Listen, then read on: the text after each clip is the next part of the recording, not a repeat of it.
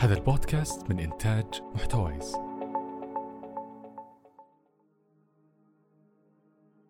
أهلا بكم. هنا إذاعة الشراكة المحطة التي تضيء في ميادين عدة راغبة في أن تنير عقولا مسلطة ما تملكه من ضوئها على جميع ما يهم الطالب والمجتمع. حلقتنا اليوم بعنوان اختراعات غيرت البشرية.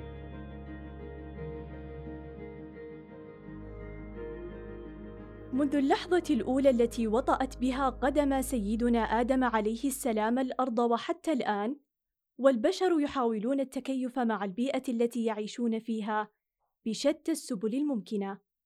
ففي سعيهم نحو ذلك، قاموا بابتكار آلاف الاختراعات التي كان بعضها نابعًا من حاجة، وأخرى بمحض الصدفة أو لغرض إشباع الفضول البشري.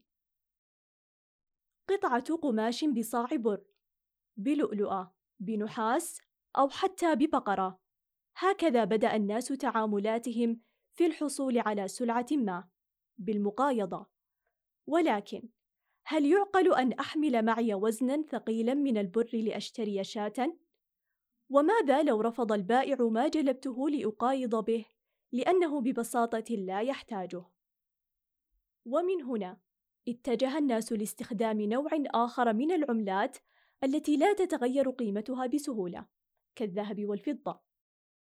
حتى ظهرت مشكلة مشابهة للتي سبقتها بالإضافة إلى عدم توفر بنوك لحماية كمية كبيرة من الذهب.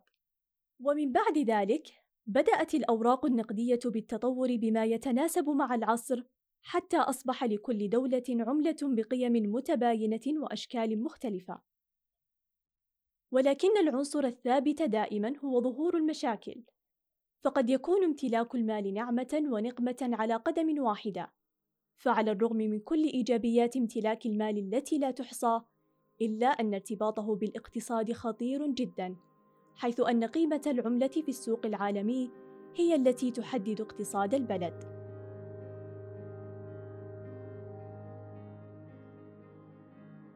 يجلس خلف طاولته في مختبره بلوس ألاموس عازما على إتمام تصميم مشروع تسبب فيما بعد بإسهاق أرواح 120 ألف نسمة ومقتل ضعفي هذا العدد بعد سنوات لاحقة جراء تبعات ويلاته.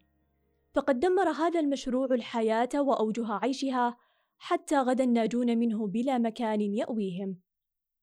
لم يكن يعلم روبرت أوبنهايم بأن مشروعه مشروع مانهاتن الذي أشرف عليه ثلاث جامعات أمريكية سيغير وجه العالم وينهي حربا عالمية ظلت قائمة لست سنوات حتى وإن كانت الوسيلة بغاية الوحشية.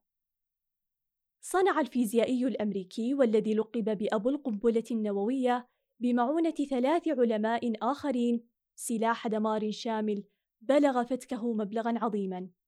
ذلك أن جزءًا صغير الحجم منه كان قادرًا على نسف مدينة بأكملها، مخلفًا وراءه معاناة لا تبرأ وجرحًا لا يندمل.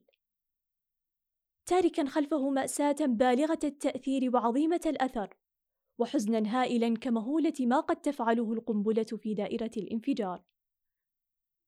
وبينما كان يشرف أوبنهايمر على عملية التصنيع في العام 1942 كان هاورلد أوري يبتدع نظام استخراج يعتمد على الانتشار الغازي في حين أن إرنست لورنس عمل على نظام فصل مغناطيسي لنظائر اليورانيوم والبلوتونيوم.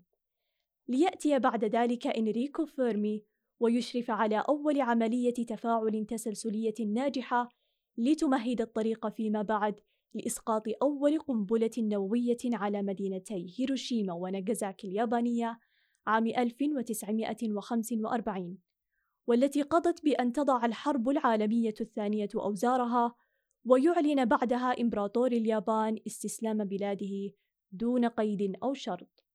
هذا المشروع الأمريكي والذي كان عبارة عن مؤسسة أمريكية ضخمة تشكلت في خضم الحرب العالمية الثانية والتي ضمت تحت لوائها أبرز علماء الفيزياء في أمريكا كلف ما يقرب الملياري دولار وشغل نحو المئة وعشرين ألفا من الأيادي العاملة لإتمامه كان مشروع منهاتن لدليل نقمة قضت على مئات الآلاف من البشر وهجرت آخرين وليأتي بعد ذلك قرار منظمة الأمم المتحدة القاضي بإنشاء وكالة دولية للطاقة الذرية تضمن التأكد من الاستخدام السلمي للطاقة النووية والحد من التسلح منها.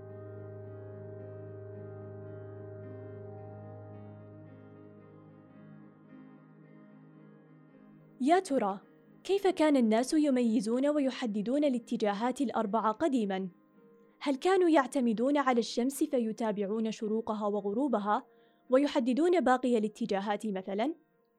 أم كانوا يتابعون موضعها في السماء ليحددوا الاتجاهات والزمن بالتقريب؟ ولو كانوا يعتمدون على الشمس في تحديد الاتجاهات ماذا كانوا يفعلون في المساء؟ تعد البوصلة أحد الاختراعات الحاسمة في تاريخ الحضارة الإسلامية. وكان الإنسان يعتمد في رحلاته الاستكشافية في البر أو البحر على التطلع إلى السماء لمعرفة الاتجاهات الأربعة. ففي النهار يراقب الشمس واتجاه الظل وفي الليل يراقب النجوم. ولكن كثيرا ما كانت الظروف الجوية تخذله وخاصة في البحار التي تكثر فيها السحب والغيوم وتنعدم فيها الرؤية. فكان ذلك يحد من نشاطه وحركته ومن هنا كان اختراع الإبرة المغناطيسية فتحًا جديدًا في مسيرة عصره. ولم يكن العرب هم أول من عرف الخاصية المغناطيسية، فقد عرفها الإغريق والصينيون قبلهم، ولكن المسلمين كانوا أول من استفاد من هذه الخاصية في صنع أول بوصلة.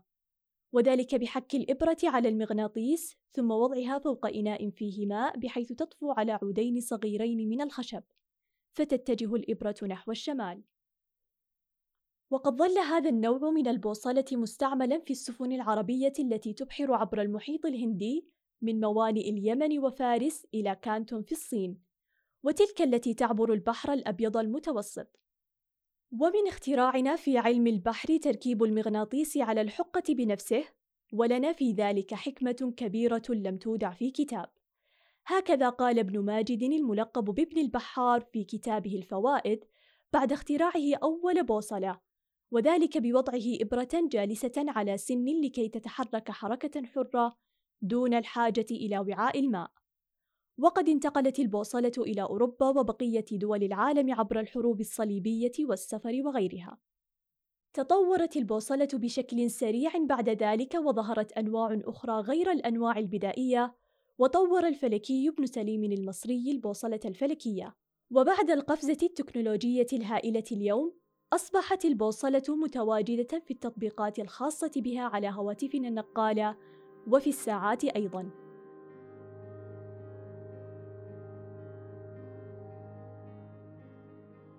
ولأن الحاجة أم الاختراع أصبح الإنسان لا ينفك حين حاجته لشيء ما عن إعمال عقله والتفكير فيما يسير شؤون حياته. وبدءا من أول الخلق وانتهاء بيومنا هذا تظل حاجة الإنسان متجددة ومتعطشة لاختراعات تسهم في جعل حياته أسهل بكثير مما هي عليه. كنتم مع إذاعة الشراكة في أمان الله.